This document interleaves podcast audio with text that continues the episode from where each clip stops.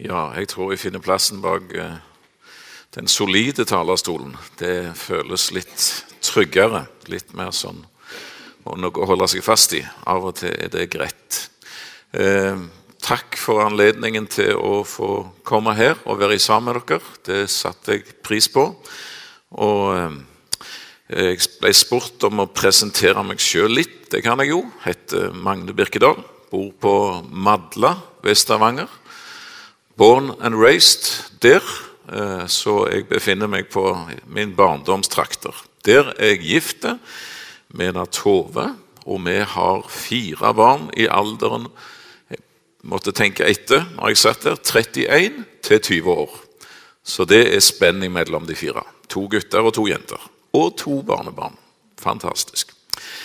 Så eh, det er stillingen. Så har jeg fått lov til å reise i misjonen noen år. Jeg begynte eh, faktisk sommeren 1980, så det har blitt noen år etter hvert. Det er, det er meg. Og så fikk jeg et fint eh, emne og et godt, solid bibelavsnitt som eh, jeg ble bedt om å si noe om i dag. Det vil jeg gjerne. Fred i Jesus, eller fred i Kristus, og ifra Efeserbrevet 2 Eh, der jeg forstår dere har oppholdt dere mye i det siste. Efeserbrevet 2, og fra vers 11 til og med vers 18, eh, tror jeg vi leser, i Jesu navn. Kom derfor i hu at dere før var hedninger i kjødet og ble kalt uomskårne av de såkalt omskårne, de som med hånd er omskåret på legemet. Kom i hu at dere på den tid var uten Kristus, utestengt fra Israels borgerrett og fremmede for pakten med deres løfte. Dere var uten håp og uten Gud i verden. Og Når vi leser dette, så kan vi godt ha i bakhånd og i tanke bak det hele at dette er skrevet til såkalt hedningen kristne. Skrevet i den tid der eh, eh Tanken var jo i den gamle pakt at Israel hadde monopol på Guds rike. At det var knytta til Israel. Så kom en ny tid, en ny pakt. Og så skal vi ha det som bakteppe når vi leser disse ordene. Altså, husk at dere før, som ikke-jøder, som uomskårne, rent fysisk, var uten Kristus. Utestengt, fremmede, uten håp, uten Gud. Men nå, vers 13, i Kristus Jesus er dere som før var langt borte, kommet nær til ved Kristi blod.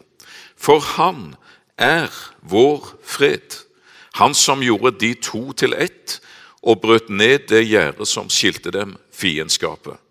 Da han ved sitt legeme avskaffet loven med dens bud og forskrifter. Dette gjorde han for i seg selv å skape de to, altså israelitt og ikke-israelitt, til ett nytt menneske, og slik stifte fred. Og i ett legeme, én kropp, nemlig Kristi legeme, forlike og, og, og ved Jesu fysiske død på korset, der han sona for både israelitters og ikke-israelitters synder. Der han ordna med frelsen og gjorde de to til ett legeme, forlike dem begge med Gud ved korset, for der drepte han fiendskapet. Og han kom og forkynte evangeliet om fred for dere som var langt borte, ikke jøder, og fred for dem som var nær ved, israelitter. For gjennom ham har vi begge, israelitt og ikke-israelitt, adgang til Faderen i én ånd. La oss be sammen. Herre Jesus, takk at vi får lov til å komme fram for deg, søke deg, du som søker oss. Og vi ber Herre om at vi kunne få eh, noen nyttige minutter, både vi som er samla her i denne salen, og barna der de er, der du kunne få vise deg for oss. Din gode vilje skje, ditt rike komme, ditt navn bli æra og herliggjort. Amen.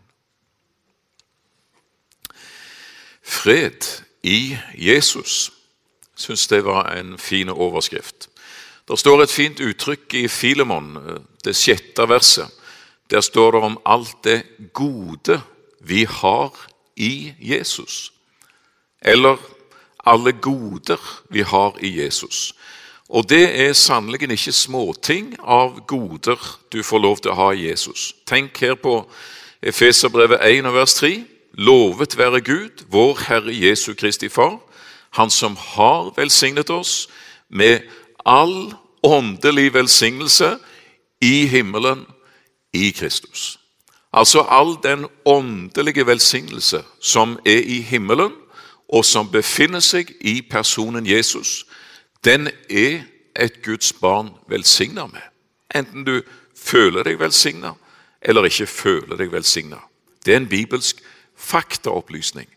Og det er altså et faktum at å være en kristen, det er å få befinne seg i Kristus. Eh, bokstaven i, det er en såkalt preposisjon. Det er faktisk den minste bokstaven vi har i det hele tatt, og dessuten det minste selvstendige ordet som finnes. Det er dette, denne bokstaven i. Og Egentlig så er det jo ikke noe selvstendig ord heller, fordi at det, det kan aldri stå alene. Det, en, det, angir en posisjon. Altså et forhold eh, i betraktning til et hovedord, som det liksom angir en, en posisjon til. Preposisjon. Og å være en kristen, det er å få være i Kristus. Det minste ordet, det minste bokstaven som fins, det er i. Det er ikke noen breiskuldra T eller en breibeint M eller en Æ som striker i alle retninger, eller en kunstneriske Q. Det er bare ganske enkelt ei strek. Den minste bokstaven og det minste ordet. Men ta den minste av alle bokstaver og det minste av alle ord, og plasser det i forhold til Kristus. Og det finnes ikke noe ord som har et så enormt innhold, en så enorm innholdsfylde. For i Kristus, der er det et Guds barn eier alt. Å være en kristen, det er å få lov til å være plassert i Kristus. Og Det får vi vite i 1. Korinterbrev 1 vers 30, at det er, det er ikke du som har plassert deg i forhold til Jesus på denne måten, men det er hans verk at dere er i Kristus Jesus, han som for oss er blitt, osv., osv. Så å være en kristen, det å ha fred i Jesus og være i Han. Og det motsatte av fred, grunnbetydningen av ordet fred, det er krig. Det er fiendskap. Det å være i en krigstilstand, rett og slett. Og det minner altså Paulus oss om som ikke-jøder òg, at eh, husk derfor, sier han, at før så var dere hedninger, og dere var, eh, dere var uten Kristus. Og dere var utestengt, og dere var uten håp, og dere var uten Gud, og dere var langt borte. Men nå, sier han, i Kristus Nå er alt snudd opp ned. Nå er dere innenfor, og dere har fred, og dere har håp, og dere er nær. Ja, dere er så nær at dere er i Kristus, og i Han har dere alle ting.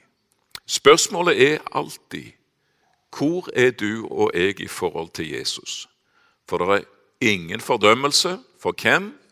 For dem som er i Kristus, står det i Romerbrevet 8, vers 1. Men utenfor Kristus, der er det kun fordømmelse.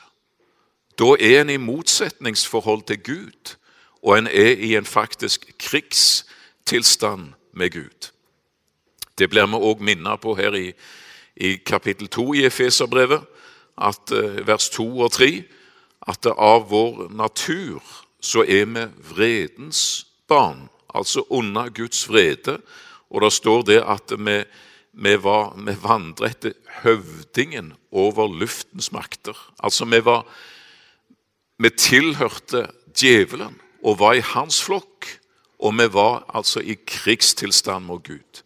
Men i Jesus så har du fred med Gud. Du fikk lov til å komme til Han, og Han lukka deg inn i sin frelse og kledde deg på en måte i Kristus, sånn at eh, du har fått fred med Gud ved Jesus. Så å være en kristen, det å ha fred med Gud, å være en, en ikke-kristen, det er å fremdeles være i denne krigstilstand med Gud, der en er hans fiende og er på feil side. Og det er tra tragisk på alle måter, og ikke minst fordi at eh, Jesus kom jo og gjorde fred, som vi blir minnet om i teksten. Jeg la merke til en liten avisnotis eh, i begynnelsen av dette året eh, om en, eh, en, japansk mann som heter Hiro Onada. Han døde den 16. i første 2014 i Tokyo. 91 år gammel. Hans historie var ganske forunderlig. Eh, I 1941 og ut igjennom under hele den andre verdenskrig så gjorde han tjeneste i den japanske hær. Han var stasjonert på ei øy som heter Lubang i Stillehavet, eh, som den japanske hær da hadde okkupert. Men i 1945 da gjorde de allierte et eh, strandhogg, og de eh, erobra tilbake denne øya, Lubang, og de japanske styrkene som var der, ble tatt til fange. De overlevende ble fanga. Men det var noen få som klarte å flykte unna, og blant dem var Hiro Onada. Han fikk med seg noe våpen og diverse utstyr og storma inn i skauen, i jungelen der, og søkte tilflukt der. Vel, eh, 1945 kommer, altså den, eh, i, og i den 15. i 8. 1945 da ble det slutt på den andre verdenskrig. Da eh, var det den endelige avslutning ved disse bombene over Hiroshima og Nagasaki, som eh, alt det fryktelige som skjedde. Men det markerte avslutningen på den andre verdenskrig. Så keiseren kapitulerte. Det ble undertegna en fredsavtale. Den var bindende. Eh, freden det var slutt på krigen, og freden var inntrådt. Men på øya Lubang der fortsatte Hiro Onada sin private krig. Eh, han eh, hadde ikke fått denne beskjeden. Og etter hvert som tida gikk og folk forsto at det er en mann der inne i skauen som er farlig og er bevæpna, så ble det ropt inn i skogen med høyttalere i jungelen at eh, freden er over, krigen er slutt, det er fred, og han hadde til og med fått identifisert denne mannen. Hiro Onada, kom fram, overgi deg. Han hørte det, men han trodde det ikke. I Gjennom åra som gikk, så ble han ansvarlig for 30 menneskers død som han møtte, mens han fortsatte sin private krig. Den 9. mars 1974 da blir hans tidligere overkommanderende fløye fra Japan, fra Tokyo, og til øya Lubang. Og det blir stilt opp gedigne høyttalere og sånn. Og han roper 'Hiro Onada', som din, eh, din overordnede befaler jeg deg å komme fram og overgi deg. Krigen er slutt. Det er fred. Den 9. i 3. 1974. Da kommer en mann i fillete uniform med sitt sverd fram, med sine, eh, det geværet han hadde, og den ammunisjon som han fremdeles hadde igjen, og med sine håndgranater. Og tårene rant nedover hans kinn når han la det ifra seg og rakte opp hendene og overga seg. Eh, så altså i 19, altså i 2014, da døde denne beverkelsesverdige mann. Litt treg i oppfattelsen. 29 år siden freden, og så har han fortsatt sin private krig. Men ærlig talt, hvis du tenker eh, rent kristelig på dette, så er det da mange som er mye større sinker enn Hiro Onada. For i år 33, langfredag ved den niende time, da ordna Gud med fred. Og han sendte sitt fredsbarn. Det er derfor vi samler jul, eh, feirer jul. Eh, for å gi den fred som ingen på jord kunne tilveiebringe, nemlig fred med Gud. Jesus var fredsbarnet, og han gjorde fred på korset. Der drepte han fiendskapet, det som var problemet mellom Gud og mennesker, nemlig våre synder som skilte oss ifra Gud. Det ordna Jesus med ved å ta det som sitt og dø i vårt sted betale hele vår ubetalelige synderegning. Han gjorde det. Og du legger merke til disse vakre uttrykk og fulle av innhold og mening i dette avsnittet. Han er vår fred. Vers 14. Og i vers 15 han stiftet fred. Og i vers 15 så står det på korset der drepte han fiendskaper. Og i vers 17 og han kom og forkynte evangeliet om fred. Fred i Jesus, det var det Jesus kom med. Og vi, Nå skal vi ikke utlegge dette, det er ikke sånn jeg har tenkt på det i dag, men eh, vi kunne veldig godt stoppe mye der òg.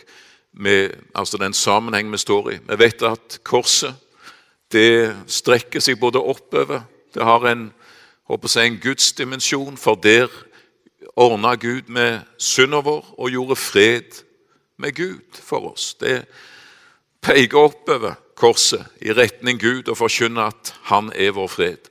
Og så har det denne tverrbjelken som peker utover i begge retninger.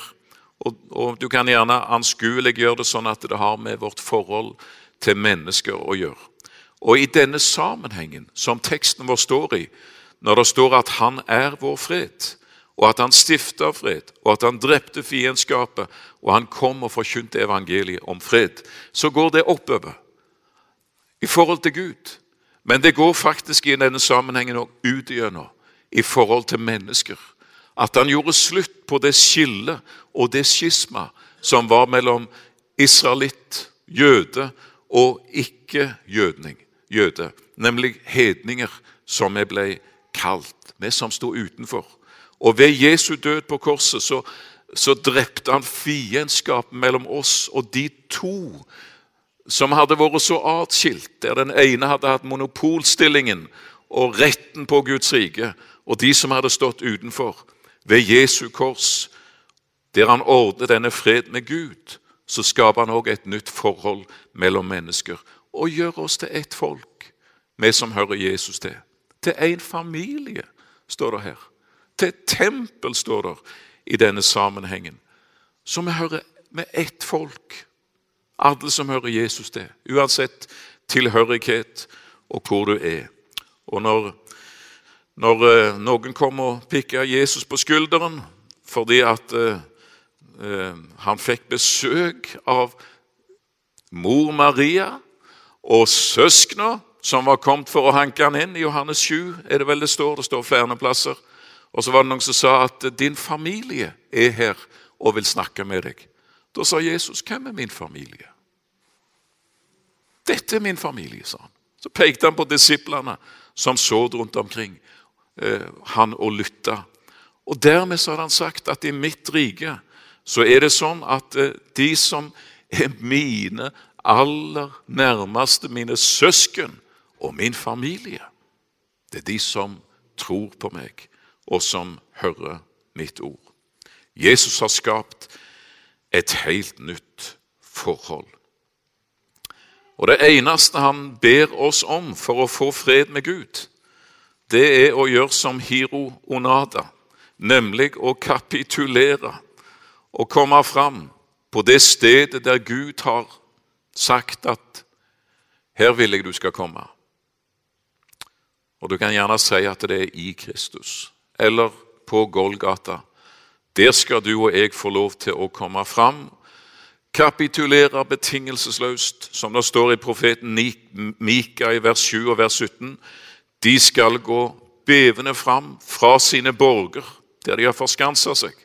Og noen har forskansa seg i ateismens borg, og andre i hedonismens borg, livsnytelsens borg, og andre i filosofiens eller den moderne eh, vitenskapelige livsanskuelses borg. Og veldig mange de har de søker tilflukt i 'jeg er ikke verre enn andre'-borgen. Det er der de befinner seg. Men, sier Herren, de skal gå skjelvende fram fra sine borger, der de har forskansa seg. Til Herren vår Gud skal de komme skjelvende og frykte. De er engstelige. Hva venter oss nå? Når vi kommer ifra slagmarken der vi er fiender av Gud, og så kapitulerer vi, og så kommer vi fram. Hvem er en Gud som du? En Gud som tar bort misgjerning og går overtredelse forbi. Han holder ikke til evig tid fast ved sin vrede, for han har lyst til miskunnhet. Han skal igjen forbarme seg over oss. Han skal trå våre misgjerninger under føtter. Du skal kaste alle deres synder i havets dyp. Det er det eneste han ber oss om. Det er å kapitulere og bøye oss ved Jesu kors og bekjenne du og bare du er vår fred. Og når du da kapitulerer på denne måten, så ja, Han springer imot deg, han kaster seg om halsen din, han kysser deg velkommen. Han har ikke et ord å si om krigsrett eller represalier, for Jesus har ordna med betalingen. Så du kommer til fred når du kommer. Freden har Jesus ordna med på korset. Fredsavtalen inngått langfredag år 33 ved den niende time. Han ordna det helt sjøl. Og dette er, dette er jo òg julens budskap, ikke sant? Det var jo det englene jubla om over Betlehemsmarkene når de eh, snakket om, eller når det ble jubla det, at ære være Gud i det høyeste og fred på jorden, sa englene der i Lukas kapittel 2. Fred på jorden. Det er de som eh, syntes det var Ja, det er de som, eh, de som eh, sier det at det, det var mislykka. Det ble jo ingen fred på jord. Aldri har krigene vært verre og mer brutale enn i våre dager. Så det oppdraget Jesus kom med, det, det mislykka, sier mennesker. Langt ifra. Langt ifra. Det Jesus kom for å gjøre, det var å innstifte altså fred, Guds fred, på jorda. Og fred med Gud. Vel raser krigene imellom mennesker og imellom nasjoner fremdeles. Det skal det òg bli en slutt på. Men Jesus lyktes i sitt oppdrag, for han kom for å gjøre fred mellom Gud og mennesker. Og han kom òg for å gi oss Guds fred. Litt om det. Det kunne jeg tenkt meg å sagt litt mer om, men det rekker jeg ikke så veldig mye av. Det er to eh, begrep i Skriften. Og Det ene begrepet er fred med Gud. Og det andre begrepet, det er Guds fred. La oss lese f.eks. et ord som handler om det første vi snakket om, nemlig fred med Gud. Romerbrevet 5, vers 1 og vers 2. Da vi nå er rettferdiggjort av tro, har vi fred med Gud ved vår Herre Jesus Kristus. Ved ham har vi også ved troen fått adgang til denne nåde som vi står i. Og den, den grammatikalske form på grunnteksten den, den understreker noe for oss. Altså da vi nå er og vedblir vedvarende å være, rettferdiggjort av tro, har vi konstant, kontinuerlig fred med Gud ved vår Herre Jesus Kristus. Ved ham har vi også ved troen fått adgang til denne nåde som vi står fast, som dette ordet kan bety, i. Og hele formen og hele måten det er skrevet på, det forkynner oss noe, at dette er noe som gjelder aldeles uavbrutt. Det er ikke sånn at da vi nå er mer eller mindre rettferdiggjort etter styrken på vår tro, kanskje opp imot 90% i våre bedre og frommere øyeblikk, og 10 eller 4% når det er virkelig dårlig, eh, har vi i våre beste stunder fred med Gud ved vår Herre Jesus Kristus. Og ved ham har vi også ved troen fått adgang til denne nåde som vi stadig eh, faller inn i og ut av, alt ettersom. Det er ikke sånn det er, sier Romerbrev 5. Denne, denne tilstanden denne stillingen som et Guds barn får lov til å leve, det er det at vi har fred med Gud ved Jesus. Han er vår fred. Og det gjelder altså ikke bare våre frommere øyeblikk, men det gjelder uavbrutt. Jesu blod renser oss fra all synd. Og det er et fantastisk ord. Og det er en fantastisk form det står i. For det, hvis du skal intensjonsoversette det, så må du si Jesu, hans sønns blod, renser og renser og renser og renser og renser oss. For det er det som er betydningen av det. Det er noe som skjer hele veien. Jesu blod tar ikke pause. Det kobles ikke ut og inn. Men å få være et Guds barn, det å få lov til å leve i denne frelse. Og fred med Gud, det er robust, har jeg lyst til å si. Eh, Jesaja 54, vers 10. Fjellene kan vel vike, haugene rokkes, men min miskunnhet skal ikke vike fra deg, og min fredspakt skal ikke rokkes, sier Herren, Han som forbarmer seg over deg. Av og til så hører vi om fredsavtaler mellom stridende parter. Og det blir gjerne sagt at det er en veldig skrøpelig fred. En frykter for at bare ett pistolskudd som smeller, kan gjøre slutt på den skrøpelige fredsavtalen, og så er det full baluba og krig igjen. Det er skrøpelig. Og så sier Herren at min fredspakt, den er ikke skrøpelig. Det er ikke sånn at en fiendtlig handling gjør slutt på den. Fjell kan vike.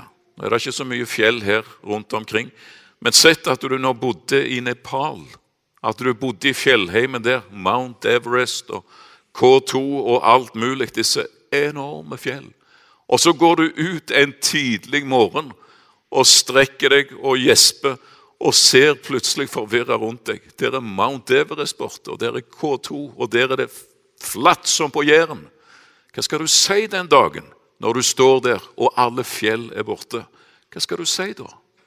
Da skal du si at Herrens fredspakt, den rokkes ikke.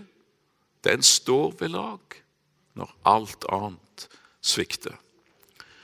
Det er veldig godt at det er sånn, at frelsen er robust. Jeg fikk en gang ei bukse av en hyggelig bekjent som ikke passet den buksa og hadde aldri passet den heller. Iallfall var det mange år siden. Så han ga den til meg. Nå passer ikke jeg den heller lenger. Det er noe så. Men eh, når jeg fikk den buksa, så la jeg merke til når jeg skulle vaske den, så sto det på innsida 'Do not handle with care'. Stod der. Ok, det er noen ting der står på 'behandle med skrøpelighet'. Men når Herren har sagt det på, på sin frelse, trenger ikke være engstelige trenger ikke behandle den med forsiktighet, for den tåler alt. Den er solid, den er robust. Det betyr ikke at synd blir likegyldig for oss. Langt derifra. Og vi ønsker å leve hellig og rent. Men du skal vite det, at du tilhører akkurat like mye Jesus i det øyeblikket du faller og forgår deg, som i det øyeblikket du seirer. For det er, det er Guds fred. Altså det er freden med Gud, rettere sagt. Eh, han er vår fred. Så det er det første uttrykket. Fred med Gud. Og Romerbrevet 5 og vers 1-2 og mange andre sammenhenger de understreker at dette er noe vi har kontinuerlig ved troen på Jesus. Ikke av og til, ikke mer eller mindre. Så det er det ett uttrykk til i Bibelen, eh, og det er Guds fred. Guds fred. Det står det òg veldig mye om.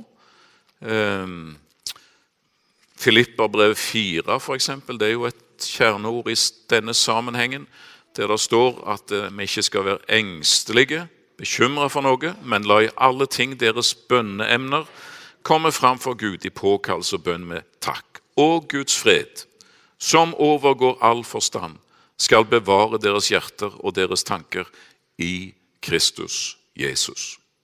Og Jesus sa, Johannes 14, vers 27, Min fred gir i dere, ikke den fred som verden gir. Men den fred som overgår all forstand, den gir i dere min fred.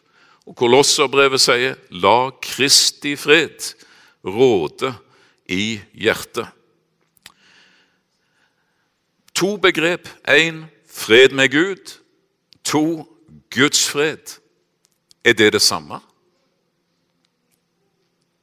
Det kan du godt tenke litt over.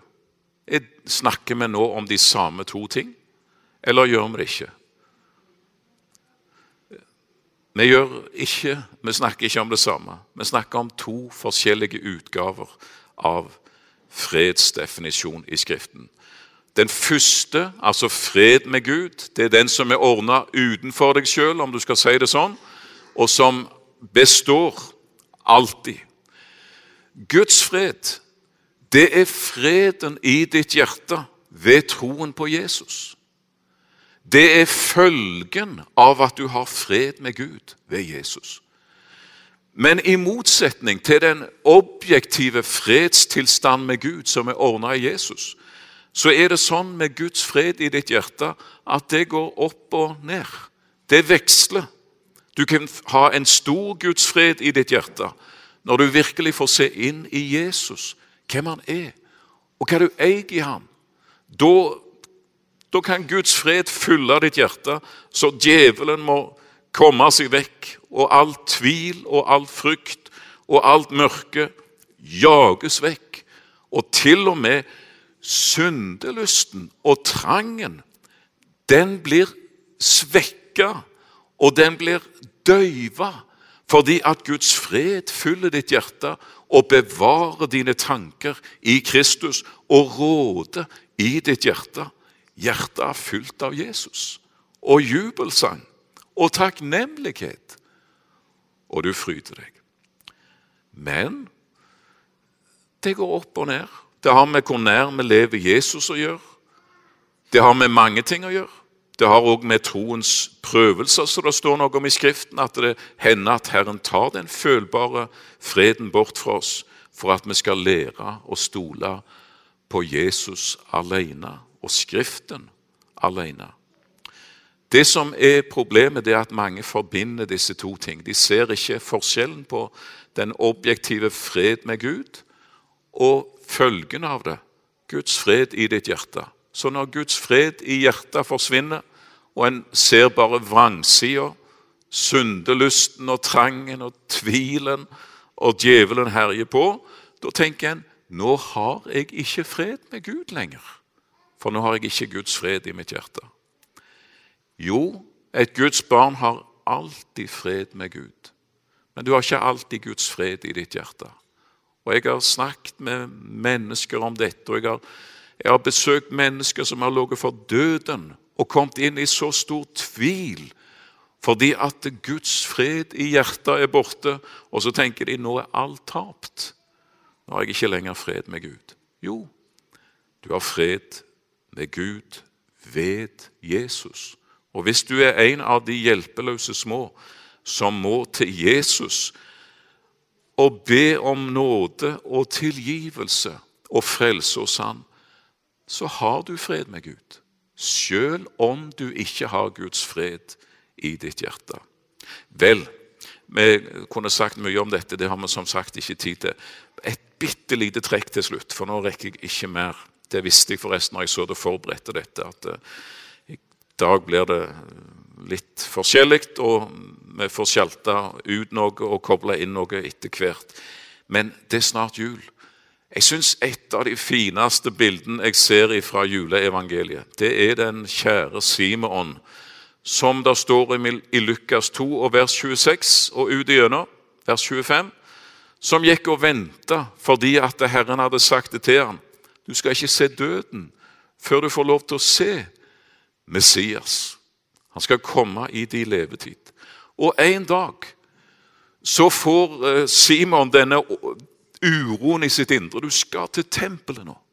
Og jeg ser han for meg der han skynder seg av gårde gjennom Jerusalems gater, inn i tempelforgården og står der og ser på det praktfulle tempelet, bygget der, fullt av med mennesker og kaos rundt omkring.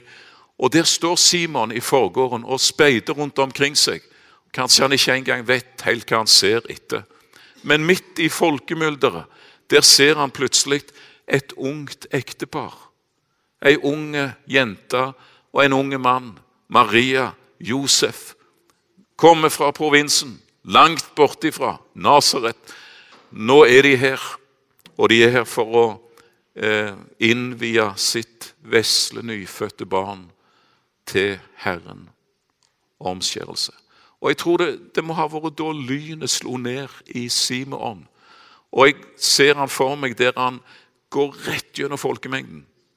Uten å ense noen, bare skyver seg fram og står foran dette unge ekteparet. Og ansiktet lyser på han, der han står foran ei litt forvirra og forundra Maria og Josef, som kanskje legger sin arm beskyttende rundt Maria. Og så står Simon der og ser bare det lille barnet og spør kan jeg få lov til å holde barnet ditt, gutten din. Og kanskje Maria ser litt spørrende på Josef, og han på henne, men nikker. Og hun rekker denne mannen, denne Simon, det vesle barnet sitt. Og Simon tar imot, og jeg ser hans varsomhet og hans ømhet når han holder dette vesle, nyfødte barn i sine armer. Og nå, Simon, nå glemmer du alt. Nå glemmer du det praktfulle tempelbygget og menneskene rundt deg og Josef og Maria og alt. For nå er det bare deg og det vesle barnet. Og så bryter lovsangen ut. Herre, nå kan du la din tjener fare herfra i fred etter ditt ord. For mine øyne har sett din frelse. Nå er jeg reiseklar. Nå kan jeg dø. Nå kan jeg møte Gud, og nå kan jeg leve. For nå har jeg fred med Gud. Alt det jeg behøver, det holder jeg nå i mine armer. Han er min frelser. Han er min fred. I mitt hjerte, der går det opp og ned.